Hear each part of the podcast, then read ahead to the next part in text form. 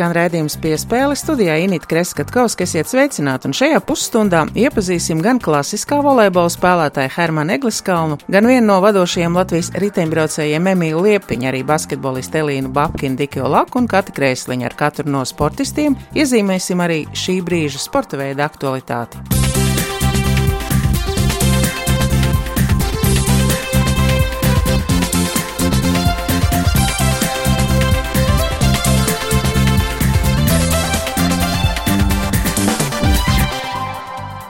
Riteņbraucējs Emīls Liepiņš uz pāris nedēļām bija iegriezies Latvijā, kad arī viņu sastapu vienības velobrauciena iesildošajā pasākumā.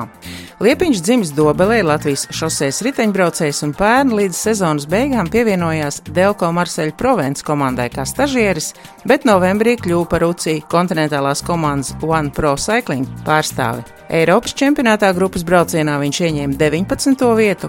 Par iemesliem, kad tika cerēts sasniegt vairāk, par pārāk ilgo riepu mainīšanu, kā arī par to, vai latviešus tik ļoti gaida profesionālajās komandās, vai tomēr priekšroku dod itāļiem, angļiem un francūžiem, arī par to sarunu ar riteņbraucēju Emīlu Liepiņu piespēles turpinājumā. Radījumā piespēlē šoreiz Zemīls Liepiņš vispirms uh, ar atgriešanos Latvijā kaut uz nelielu brītiņu. Ja? Jā, paldies! Esmu Latvijā uz divām nedēļām. Nākamnedēļ jau sāksies Baltijas tūra, kas būs sagatavošanās vienām no svarīgākajām sacensībām sezonā, kas būs Tour of Britain. Mums vēl spilgta atmiņā jūsu emocijas un sviedru seja Eiropas čempionātā jau paspējāt pateikt, ka riepa nomainīt reizēm ir ilgāk nekā varbūt finiša spurtu uztaisīt. Jā, riteņbraukšanā citreiz sanāk tā, ka uh, mašīnai ir ātrāk nomainīt riepas nekā ritenim. Nezinu kā, bet mainīja minūti 42, kas ir ļoti, ļoti ilgi riteņbraukšanā. Tā kā veiksme nebija ar maniem, bet uh, biju sagatavojies un jutos perfekti. Es domāju, ka es biju iespēja cīnīties pat par Eiropas čempionu titulu. Droši vien, ka pēc tādām reizēm iznāk arī analizēt, vērtēt, tā bija likumsakarība vai kaut kāda nejaušība, bet tā tam tajā brīdī bija jābūt. Nu, tā bija nejaušība. Vienkārši tāds velosports. Tu nekad nevari zināt, ka tev būs tehnisks defekts. Es izbraucu ārā no līkuma un sapratu, ka viss riepa ir aizmugurējā tukša un ir jāmaina. Jā, tagad tāds grafiks ir īstenībā diezgan pilns. Tagad mēs brauksim uz Mīnsku ar izlasi. Tad ir tā Baltijas tūri un pat aizno uz Angliju, uz Britu tūri. Kaut gan arī gribētos labāk pabraukt kopā ar visiem vienības braucienā. Un izcīnīt vismaz kaut kādu trešo medaļu. Ja? Vienības braucienā, ja varētu šogad piedalīties, tad varētu pacīnīties jā, par trešo medaļu, jo esmu jau, man liekas, divas reizes uzvarējis. Kā jūs dzīvē ir mainījies atkarībā no tā, kas kļūst par profesionāli, par tām um, iespējām startēt. Arī droši vien, ka pašam ir ambīcijas uh, reizēm pierādīt sevi finiša spurtā. Tā kā es esmu nonācis komandā, kur es esmu sevi pierādījis, ka var būt līderis, un vienmēr es varu sev pierādīt neesmu strādātājs uz citiem. Diezgan labi priekš Latvijas riteņbraucēji, kad ir dota tāda iespēja, ka tas var būt līderis un vienmēr sev pierādīt. Jo parasti, piemēram, angļu komanda paņem strādātāju, kas strādās uz to angli. Man diezgan labi salicies un esmu komandas līderis. Latvijas skatītājiem bija iespēja skatīties arī šo mm, dokumentālo filmu par lūzeriem, tiem, kas strādā uz citiem. Un ļoti emocionālu filmu arī bija iespējams novērtēt, kā ārsti strādā, cik profesionāli viņi braucot, apstrādā brūces. Vai pašam arī ir izdevies gan to piedzīvot, protams, gan arī varbūt pavērtēt to komandas darbu, kas ir ap. Jā, protams, tas, mēs aizbraucam uz lielajām tūrēm. Tas ir apkalpošiem personālam ir ļoti grūts darbs. Viņi ceļās 6 no rīta un iet gulēt 12. Smagi, smagi lielajās tūrēs, un viņi pārguruši, man liekas, vairāk nekā paši braucēji. Tas teiciens savu laiku, dubļus brīdu savu laiku rotājos, droši vien var attiecināt arī uz jūsu karjeru. Tagad tas laika jautājums, kad būs piedestāls jau kā līderim, nevis turpināt kā zaķim. Nu, tā ir tagad, tagad tāds brīdis, ir, kad paraksta līdzi līgumus. Īsti vēl nezinu, kas būs nākamgad. Strādājam ar aģentu, lai būtu Voltūra vai pro-kontinentālā komanda. Tā kā cerams, ka nākamgad būs augstākas sacensības un varēs sev pierādīt. Kas ir tie zemūdens akmeņi? Jo, protams, ka tādā komandā iekļūt, kur ir arī milzīga konkurence, vai nav tā, ka tie draugi, kas tev sejās maida aiz muguras, mēģina kādu sprungu ielikt? Latvijas riteņbraucējiem ir diezgan grūti parakstīt līgumu. Tā kā ar lielajām komandām, Beļģim, Francūzim, Spānim vienmēr būs vieglāk Itālijam. kā jā, latviešiem grūti, lai arī mums ir ļoti labi rezultāti, bet nu, draudzēs tie paliek nenovērtēti. Tikai tādēļ, ka tu esi latvietis un viņi skatās tās komandas, un mums tagad būs latviešu braucējs. Tīsti nevienu sponsoru tu nevari no Latvijas dabūt, tāpēc arī viņi neņem komandās. Bet no Beļģijas tu varētu dabūt kaut kādu, ja mēs paņemam Beļģi, te varētu be, kādu Beļģu kompāniju runāt. Tie tie aizspriedumi, vai tā ir tā praktiskā puse, ka nāk riteņbraucējiem līdzi arī nacionālais lielais sponsors? Viņi ir tādu domu vienkārši. Beļģijā ir populārāka riteņbraukšana, tāpēc arī viņi ņem un viņiem vairāk iespējas ir. Nu, bet tas laika jautājums pierādīt, jo tad maksās par tavu reklāmu, nevis tev meklēt, jāmeklē pašam. Jā, nu, ir no sākuma, ja tu tiec tajā apritē, tad ir baigi labi, bet iekšā tikt ir ļoti, ļoti grūti. To arī vēlam un noturēties. Paldies, Emīls Liepiņš, Latvijas radio piespēles viesis, un lai labi ripo un lai ātri mainās riepas. Paldies! Viņš bija tāds motivators, ka es arī gribu būt tur, kur ir viņš un darīt to, ko viņš dara. Visiem spēlētājiem mēs ticam, gaidām, un, un vēl nekas nav beidzies. Vismaz viena spēle mums noteikti jā. Pārbaudas turnīrs ceļā uz Tenerifi. Tā šīs nedēļas dāmas basketbola spēles ar Zviedriju, Krieviju un Ukrainu raksturo virsrakstu presē.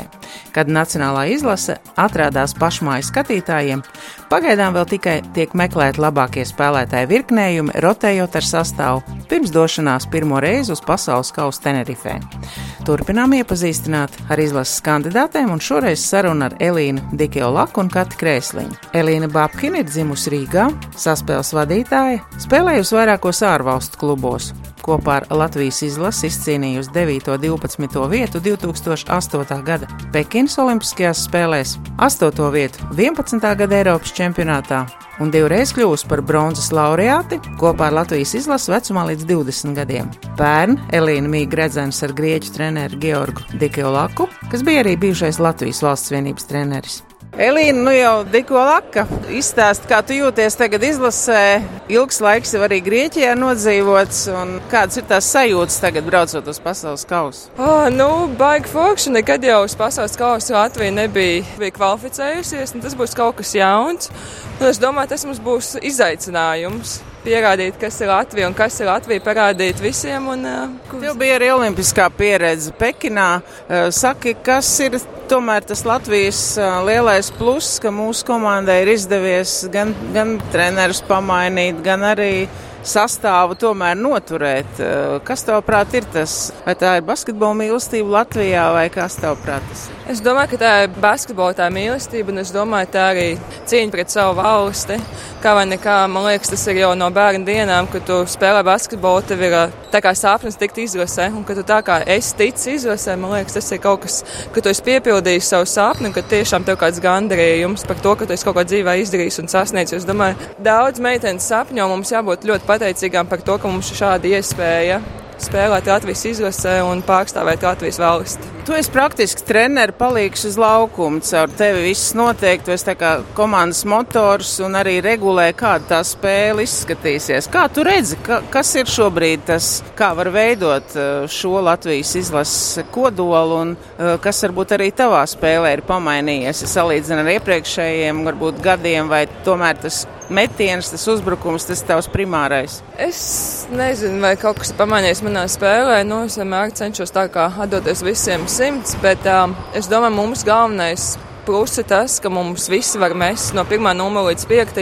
un mums pluss ir mūsu ātrums un ātrie uzbrukumi. Un es domāju, šo mums ir jā, daudz jākoncentrējās, jo mēs esam ļoti labi metējis, mēs visi esam ātri, visi ir fleksibls. Un es domāju, ka to mums būs jāpārsteidz pasaule vecumā līdz 18 iepriecināja Latvijas līdzjūtējus, un tomēr mums atkal nācās konstatēt, ka gara auguma spēlētāji komandā ir vajadzīgi. Jums arī nav īpaši daudz slēdzas meitenes, eh, bet jākompensē ir, kā tu teici, ar ātru spēli. Ja? Es domāju, jā, bet es domāju, mums ir diezgan labi augumi. Aias divas. Es domāju, mums ar ātrumiem nekas netrauks un augumiem. Vai tu esi arī panalizējusi par Sansensēm Tenerifē, kas būs Ķīna, Amerika? Nu, tās jau ir izlases ar vārdu, vai ir kaut kāda arī uzdevuma, un vai jūs no maču uz maču gatavojaties? Nu, mēs gatavosimies, es domāju, tas atkarīgs no treneris, es domāju, no maču uz maču, bet uh, pret Ķīnu mēs esam katru gadu spēlējuši, mēs zinām, ko gaidīt un kas viņas ir un kā viņas spēlē. Pret Senegālu, jā. Mums nav nekāda godīga informācija, bet, nu, kā jau Āfrikas valsts, viņi jau vienmēr ir ļoti atletiskas, agresīvas un ātras nu, būs ārkam jāpiezemējas, jo mēs nevaram spēlēt tādā pašā līmenī, es domāju, uz agresivitāti, kā viņas. Mums laikam būs jāmaina tas spēles stils. Nu, tas, ko es tagad redzu, bet tas viss, protams, ir atkarīgs no trenera, kā viņš to redz. Un pret amerikāņiem nu, tās ir pasaules čempions, olimpiskās čempions. Man liekas, viņas nekad nav zaudējuši nevienu spēli. Nu, es nezinu taktiku vai kas mums būs. nu, bet jāspēlē un jācīnās, jo nekad neko nevar zināt. Kā tu prāt, vispār basketbols ir mainījies un kā tas mainās arī, vai tu pielāgojies tai valstī, kurā klubā tu, piemēram, spēlē? Kā notiek arī šī emocionālā pielāgošanās tai vidē, kurā tu aizstāv, piemēram, klubu krāsu? Ir tā, man liekas, katrā valstī, vai cik dīvaini tas neskanētu, bet tas ir cits basketbols. Tiek salīdzināts Turcijas un, un uh, Francijas. Tas ir pilnīgi dažāds basketbols, kā lai saka, mentalitāte. Bet, ja tu nemainies, ja tu nepielāgojies, tad tev tā kā rodās problēmas. Tā kā komandai rodās problēmas ar tevi. Tā kā ātrāk jāpielāgojas tev pašai. Tev varbūt ģimenes situācija ir cita, bet tagad notiek tā pozitīvā tendence, ka daudzas Latvijas meitenes atgriežas un spēlē TTT, veidojot kodolu izlasēji. Vai tev arī ir šādā kontekstā domas, vai uz tev tas neatiecas, jo tev tomēr vīrs ir no Grieķijas? Nē, es nedomāju, ka nekad neko nevar zināt. Kā vai nekā Latvija, mans mājas, kur es piedzimu, kur es uzaugu. Un tagad viņiem ir ļoti laba komanda veidojās, un es domāju, ka viņi Eiropā var parādīt sev no labās puses, un Eirolīgā, ja viņas tiks spēlēt, un nekad neko nevar zināt. Nekad nesaka nekad, jā. jā. Labi, paldies, Anī, lai labi klīt un meitenes, lai klaus laukumā. jā, paldies. Tā. Tajā brīdī es biju labākais pasaulē. Viss pirmās vietas ir līdzvērtīgs zeltam. Spēlētājiem gadās slikts, labs spēles sērijas, bet ir jāceļās, jāmāk piecelties un parādīt savu sniegumu. Amerikā basketbols ir spēka pierādīšana. Cik augstu var uzliekt, tik stipri arī izspiest. Eiropā viss vairāk ir ar galvu, kā spēj izdomāt situācijas, apspēlēt ar viltību. Tāpēc pāris gadiem un studijām Ņujorkā presē atzina Latvijas izlases uzbrukoša aizsardze Kata Krēsliņa. Viņa arī spēja uz saviem studiju biedriem pierādīt, ka studējošie sportisti nebūtu nav kuku. Katra piedzīvojusi mūsdienu sportā tik raksturīgo krustenisko saišu pārāvumu, turklāt abām kājām, un spītējot liktenim ir atkopusies un atkal ir izlases kandidātu pulkā. Katra krēsliņa pie Latvijas rādio mikrofona droši vien vispirms par tām sajūtām, atkal atgriežoties, izlases ir sanākusi kopā, lieli mērķi. Pirmkārt jau mērķis ir tikt vispirms kandidātos un tad attiecīgi lai komanda ir vienota un spēlē kā komanda, un tad jau rezultāts neizpaliks nekur. Un, jā, teiksim, tā tas ir. Cik basketbols ir viena no manas dzīves sastāvdaļām, tad tas ir kaut kāds viens no mērķiem, tikt uz pasaules kausa, tāds personīgais mērķis. Kā tev pa šiem gadiem ir mainījusies uztvere par to, kas ir šī spēle, kā tā spēle ir mainījusies, vērojot arī mūsu puišus vecumā līdz 18 gadiem, ir skaidrs, ka 11 punktu pārsvars tas nav nekas un liekas no bezcerīgas situācijas, tomēr var uzvarēt. Kā tev varbūt tā filozofija ir mainījusies pa šiem gadiem? Sieviešu basketbols ir ļoti neprognozējams. Kā daudzi treneri saka un kā runā tajā basketbola sabiedrībā, ka spēle spēle beidzās tad, kad ir pēdējais signāls. Tāpēc jāiet, jācīnās neatkarīgi no tā, kāds ir rezultāts tablo. Cik lielā mērā jums treneru kolektīvs un apkalpojušais personāls, ieskaitot mediķus, arī psiholoģiski sagatavo spēlēm, jo tas arī tomēr ir būtiski. Ir, ir spēlētājs, kas var tikt pāri tādam lampu drudzim un, un arī noskaņoties, un ir tāds, kam ir ļoti grūti. Teiktu tā, ka mums ir lielisks treneru korpus, jo galvenais treneris Mārtiņš Zīberts pats kā personība ir ļoti mierīgs, un tas attiecīgi, manuprāt, ir veids, kā strādāt ar sievietēm tieši kaut kādā veidā pasniedzot, ko viņš vēlās saņemt no mums. Viņš to pasniedz ar tādu mierīgu runas veidu, un mēs to uztveram. Tad līdz ar to tajām meitenēm, kurām ir šis lampu drudzis, tas nomierina, un viņas var iet laukumā ar drosmi un darīt savas lietas neatkarīgi no tā, ka zinot, ka nebūs nepatikšanas no treneru vai bļaustīšanās, uz, ja tiks izdarīta kāda kļūda. Runājot par tavu sportisko formu, kā tu pati mm, kāpini šo formu, vai tu papildus trenējies, vai tev ir kaut kādi elementi, kurus tu mēģini ilgāk pēc treniņa palikt, vai varbūt pat citur vēl vēl uztrenēties. Vasara bija gara un jā, darīt arī visu kaut ko citu aktīvu bez basketbola, kas tā kā veicina šo kardio slodzes uzlabošanu. Un tad arī, protams, veselīgas, veselīga ēšana, skatīties, ko lieto uzturā. Tā arī jūtos labi, arī kaut kāda veida joga un meditācija man ļoti palīdz. Kā vispār ir um, saistība un kontakti arī ar citu valstu un citu klubu spēlētājiem? Jo jūs esat tomēr tādā kopējā uh, planētā, kopējā saziņas formā, uh, vai tās, kas ir uz laukuma pretinieces, ir arī draudzenes sadzīvē. Kā tas notiek arī ar uh, kontaktos ar citām? Man personīgi, pat cik es esmu spēlējis tikai uh, Latvijā, ir vairāk kontakti palikuši no Amerikas, kamēr es biju Amerikā. Viņas jau ir tur par Ameriku vairāk, tad es uzturu ar viņām tos kontaktus. Tā no Eiropas ir tādā ziņā, kad es augu jaunatnes izlasēs, ir kaut kādas meitenes, ar kurām, ja viņas spēlē pretinieku klubos tur sezonas laikā, tad tiek sasveicināts vai pasmaidīts vienai otrai. Uz laukuma jau, kā saka, neviens nav draugs ārpus laukuma jau. Visi mēs varam būt. Un visbeidzot par pasaules kausu, vai tu jūti, ka sociālajā vidē ir kaut kāda īpaša jau tāda, nu, uzkurināšanās pirms gaidāmā pasaules kausa, vai tu jūti, ka Latvijas basketbolā savienības vai attieksme vai arī gatavošanās tieši šim kausam ir tas, ka tas notiek pirmo reizi, ka jūs esat to nopelnījuši, vai ir kaut kāda savādāka sajūta? Pakāpeniski tā sajūta aug noteikti, un par cik 18 puiši tika tik augsts, domāju, ka tas vispār atkal iedod tādu stimulu Latvijas basketbolam, kā arī vispasaulīgu redzesloku citiem cilvēkiem par Latviju, un domāju, ka tas sieviešu basketbolam arī neizpaliks, un uh, cilvēki interesēsies, un par to būs tāds bums, teiksim, tā sociālajā tīklā. Atgādinu, ka Kata Krēsliņa ir pie Latvijas radio mikrofona izlases kandidāta pirms došanās uz pasaules kausu varbūt tad nobeigumā par uh, to taktiku vai tiem plusiem, kā tu saredz, kā Latvijas izlase varētu spēlēt? Jā, es domāju, ka mums noteikti liks, un tas mūsu spēles stils būs ātrs basketbols. Pret Ķīnu mums jau ir bijusi pieredze, ir sanācis gan uzvarēt, gan zaudēt, bet viņas arī spēlē ļoti ātru basketbolu un aizsardzībā, presē neļauj tik viegli tikt pāri centra līnijai, laukumam. Un ar Ameriku tā jau būs vispār cita pieredze. Tas Tas arī ir tāds sapnis uzspēlēt pēc Amerikas zvaigznēm. Tas ir kaut kas vienreizējs, manuprāt. Droši vien, ka pirms Amerikas darbs būs psihologiem. Noteikti, jā. Lai jums veicās un nospēlēt cienīgi un uh, izbaudīt šo turnīru. Ja? Jā, paldies. Tas ir ļoti pašsaprotami, kad Latvija sauc, tad tur nav variantu. Tu vienmēr saki, ka jā. Es cenšos katru spēli palikt labāks, katru spēli augt. Tad, kad jau ir uh, sezonas beigas un, un starpsezona, tad tu vari palikt vēl labāks spēlētājs. Latvijas volejbola izlase šonadēļ aizvada cīņas Eiropas čempionāta kvalifikācijas turnīrā. Svētdien ilgi gaidītā cīņa arēnā Rīga, kad tiksies Latvijas un Igaunijas volejbolisti. Mūsu ziemeļu kaimiņi ir apsolījuši nokrāsot tribīnas Igaunijas karoga krāsās un jau iegādājušies apmēram 2000 biļešu. Lai pagarinātu cerības un dalību fināla turnīrā līdz janvārim, Latvijai noteikti jāuzvar, jo zaudējums Izrēlai bija kā augsta duša, no tās jāspēj atžirgt. Kaimiņu valstu cīņas vienmēr ir izraisījušas interesi, turklāt šoreiz Latvijas izlase vada Igaunijas speciālists Savo Kēls, kurš pats gandrīz desmit gadus ir vadījis Igaunijas valsts vienību. Volejbola tēmatu ar vienu no izlases līderiem Hermanu Eglaskā un turpina mūsu ārstata autors Māris Bergs. Gan par volejbola sezonu titulētajā Tūras volejbola klubā Francijā, gan arī par jaunumiem izlases kontekstā.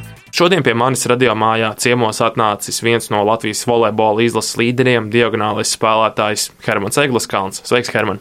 Sveiks! Sāksim par tavu aizvadīto sezonu Francijā. Pirms iepriekšējās sezonas pārgāja no Nīcas kluba uz Tūru. Kā bija ar iejušanos jaunajā pilsētā un klubā, jo tomēr Nīca, kur ir pilsēta pie vidusjūras un Tūra pilsēta Francijas vidienē, nu, savā ziņā laukos? Nu, nevarētu arī teikt, ka īsti laukos. Tas, eh, tas reģions ir ļoti populārs ar eh, vīniem, un tad uh, visu kaut ko tur īstenībā pilsēta ir diezgan liela, nu, samērā, jā. Nav tik maz spēlēt pirms tam Šamonā, tie bija lauki.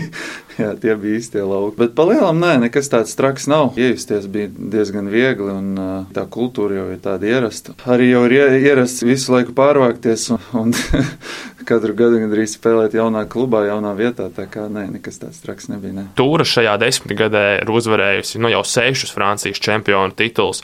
Šajā komandā ir tāda aura, čempionu tituls vai izgāšanās. Tā ir, jā. Noteikti klubā ir tāda nostāja, ka Mēs ejam uz uzvaru katru spēli, un uh, ir pat tāds teiciens klubā, ka, ja mēs uzvaram, tas ir normāli, bet, uh, ja mēs zaudējam, tā ir traģēdija. Ja? Tā ir tā, jā, ka spiež uz tām uzvarām, un tad, ja ir kaut kādi divi, trīs mači, kuri zaudēti pēc kārtas, tad jā, ir, ir sapulces, ir sarunas, un jā, ir tas spiediens, bet to spiedienu jau arī dabūnam to rezultātu. Arī tas, tā ir arī tā daļa no veiksmes, un kādēļ tas rezultāts vispār ir. Iepriekšējās intervijās esi slavējis Tūras komandas organizāciju. Pastāst, ar ko šī komanda atšķiras no tām visām iepriekšējām komandām, kuras esi savas karjeras laikā uzspēlējis? Nu, noteikti budžeta ziņā, finansiāli, jā, visi, visi apstākļi labāk. Un nav jādomā ne par kādiem sīkumiem, ja tev mājās kaut kas ir saplīsis, tad veļas mazgājumā mašīna vai kaut kas, teiksim, tu zvani un, un, un tev uzreiz viss pamainīs, atvedīs jaunu. Nav jādomā par sadzīviskiem sīkumiem vispār. Vairākoties tikai organizācijas ziņā, ka visi tuvu sporta zāli un, uh, un volejbola zāli pieder tikai mums, tad, tad, tur trenējamies tikai mēs, tikai mūsu klubs un uh, office un visi ļoti tuvu un uh, būtībā vienkārši ļoti, ļoti profesionāls klubs tādā līmenī. Nu,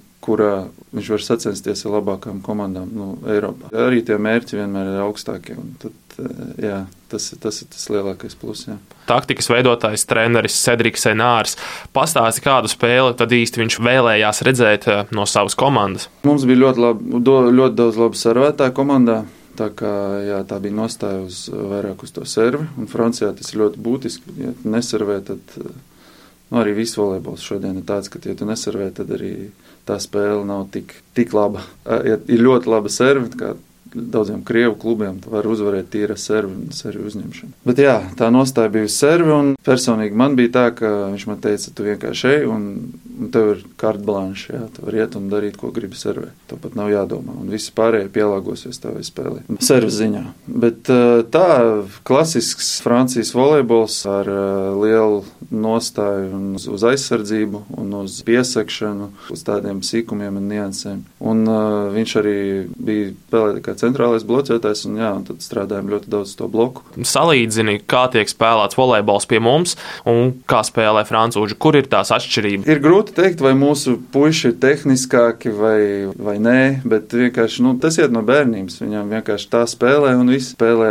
Tā nostāja ir, ir uz aizsardzību, ir ļoti daudz ļoti mazu spēlētāju augumā, nav ļoti raženi daudz. Tā spēle ir ļoti ātra. Parasti ļoti ātra spēle ar ļoti labu piesakšanu un, un aizsardzību. Pat, ja brauc skatīties otro, trešo līgu, kā viņi spēlē, fenomenāli. Vai tīri ar, ar to raksturu piesakšanā un aizsardzībā un uzņemšanā, jā, jo, jo, jo tie ir tie elementi, kur, kur vairāk tomēr to raksturu var dabūt tās bumbas aizsardzībā, jā, kur tu ej pakaļ vai tu neej pakaļ, tur ir tā atšķirība. Tev nav bieži vien tā tehnika, kaut arī tā ir, jā, svarīga, bet, bet jā, tā vēlme. Un tad varbūt dažreiz mums Latvijā tā nostāja ir vairāk uz to uzbrukumu, un, un visiem jau patīk uzbrukt vairāk nekā tādu izpildīt tādu melno darbu. Latvijā tāds vairāk, nu, volejbols uz spēku, tādu nostāju uz, uz fiziskiem parametriem, Francijā vairāk tāda tehnika un, un aizsardzība taktika. Un tā īstenībā grūti teikt, grūti spriest.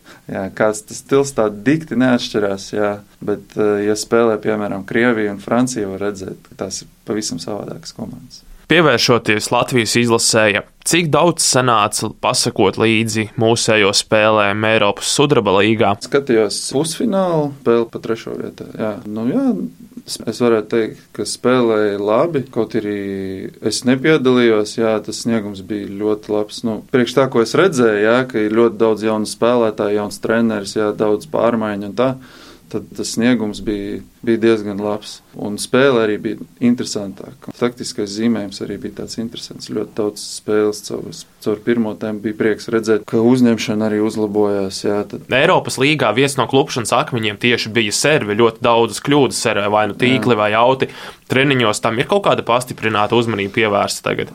Ir, jā, ļoti daudz servējumu, un, bet tas apjoms bieži vien nav tas, tas rādītājs, nu, kad parādās rezultāts, ka tu servē tieši, ja tu tagad strādās treniņos un tu servēsi tur pa 200 servēm, jā, tu būtu spēlē labāk servēs. Jā, tas, tas nav garantēts. Mums bieži bija tie, arī tā Francijā, ka mēs strādājām uz bloku tur vairākas reizes nedēļā, un tad mums spēlē tas bloks vispār neiet. Jā, un tad tās nedēļas, kur mēs uz bloku nestrādājam, tur mums tas bloks iet, jā, tad spēlēs. To ir tā grūti salīdzināt, vai, jā, tu strādās un kaut kad tas rezultāts parādīsies. Tā jā, ir tā nostāja uz to servi, bet, bet es domāju, ka vajadzēs servi tomēr tas psiholoģiskais moments ir svarīgāks. Tur, tur vairāk varbūt ne jau tie, tas treniņa apjoms ir svarīgs, bet vairāk arī visi galvā, jo tas ir viens tāds elements volejbolā, kur tu esi viens viens pats ar sevi. Tev neviens nepalīdz. Tu esi būtībā viens tur ar to bumbu. Tu vienkārši pamet un, un, un servē. Spēles ziņā daudz volejbolisti, gan arī tu pats, gan arī citi komandas biedri izlasē ir teikuši, ka ar kēlu piesaisti izlases spēle ir kļūsi modernāka. Šāda speciālista piesaisti izlasē var dot kaut kādu grūdienu arī Latvijas volejbolam kopumā attīstīties, iet uz priekšu, sekot līdz laikam. Es domāju, noteikti, jā, ja mēs pasakojam vēsturē, jā, arī var skatīties, ka Somijā jā, tas volejbols nebija tik spēcīgs, tad viņi aicināja itāļu treneri, un viņš arī pirms kādiem 15, 10, 15 gadiem, un jā, un tad viņi piesaistīja to itāļu treneri, un, un viņš atved visus savus, savus otros trenerus un fizioterapeitus, un gan statistiķus, visu to stafu, jā, visus tos cilvēkus, kuri viņam bija nepieciešami, un, protams, Somi, kur nekad tāda neko nebija redzējuši. Jā, viņi mācījās, un, protams, arī mēs varam kaut ko iemācīties no Avo un no viņa pieredzes, un noteikti tas ies pa labu. Tagad uh, izlasē daudz jaunie spēlētāji, kaut vai otrais cēlājs Edvīns Skrūders. Kā ir izdevies atrast sapratni ar šiem spēlētājiem, saspēlēties laukumā? Nu, Edvīns tagad viņam, viņam bija trauma, un viņš tik ilgi tur nespēlēja, un, un treniņos nesanāca tur viņi tik daudz sadarboties, bet ļoti labs tehnisks spēlētājs, jā, ar, galvu. Nu, nebija tik traki. Ar, ar jauniem spēlētājiem vienmēr ir vieglāk. Viņiem var kaut ko pastāstīt, jā, viņiem var kaut ko ieteikt, viņi prieks, ka viņi klausās, jā, un viņi motivēti un grib spēlēt spēlēt. Tas ir liels prieks. Izlasē bieži sanāk padalīties savā pieredzē, pastāstīt kaut kur palabot, kā tomēr vienam no, varētu teikt, jau pieredzējušākajiem volejbolistiem. Nu jā, šobrīd tā arī sanāk, jā, kad mums arī mēs, kad spēlējam tās spēlītas, tur tāda kā tenis, volejbola tenis, jā, spēlējam vecie pret jaunajiem, arī esmu jau vecie, veco komandā, tā kā, jā, nē, sanāk, jā, sanāk dažreiz laukumā vai treniņā kaut ko, neko rīktīgi tur daudz es nevaru pateikt, viņi visi saprot, kas ir volejbols, jā, un kaut kādas nianses, jā, kaut kādas sīk sīkums, jā, to es, jā, es mierīgi varu ieteikt, kaut ko pastāstīt. Ja kaut ko prasīs, tad arī kaut kā gatavs. Bet var arī neverbāli rādīt to piemēru, tā kā es tā vairāk uz to pusi. Arī ar pārējiem komandas biedriem, piemēram, ar pamatsastāvu cēlāju Denisu Petrovu, ir izdevies atrast atkal kopīgu valodu, kā spēlēt. Mēs Francijā spēlējām ar viņu vienu sezonu kopā, un tad jau vairākus gadus izlasē, tur nemaz tik daudz nevajag. Tur, tur ir tā, ka vienkārši pāris treniņi, un, un tu jau sajūti to piespēli, kāda viņi ir. Ir tā vienkārši vienkārši tā atmiņa jau, atmiņa jau ir tāda, ka, nu jā, ka reāli daudz nevajag. Tagad esat uzspēlējuši pāris pārbaudas spēles gan ar Zviedriju, gan ar Portugāli.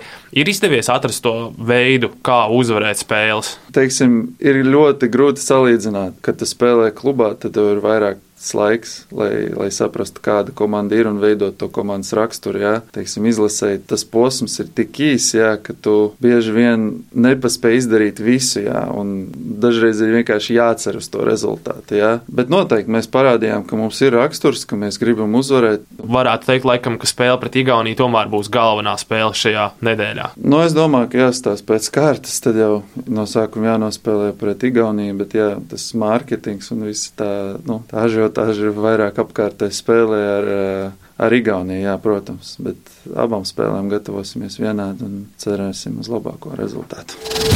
Viens mats ir trausls, bet, ja sapīt bizē, tu viņu nekad nepārrausi. Ja? Un muskuļu šķiedra arī bija kvijums. Protams, vēlākais prieks, ka mēs palikām elitē, cīnījāmies un labi nospēlējām, es domāju. Izskan raidījums piespēle, to veidoja Māris Bergs, Esinīta Kreskatkovs un skaņa operators Miķelis Putniņš uz sadzirdēšanos.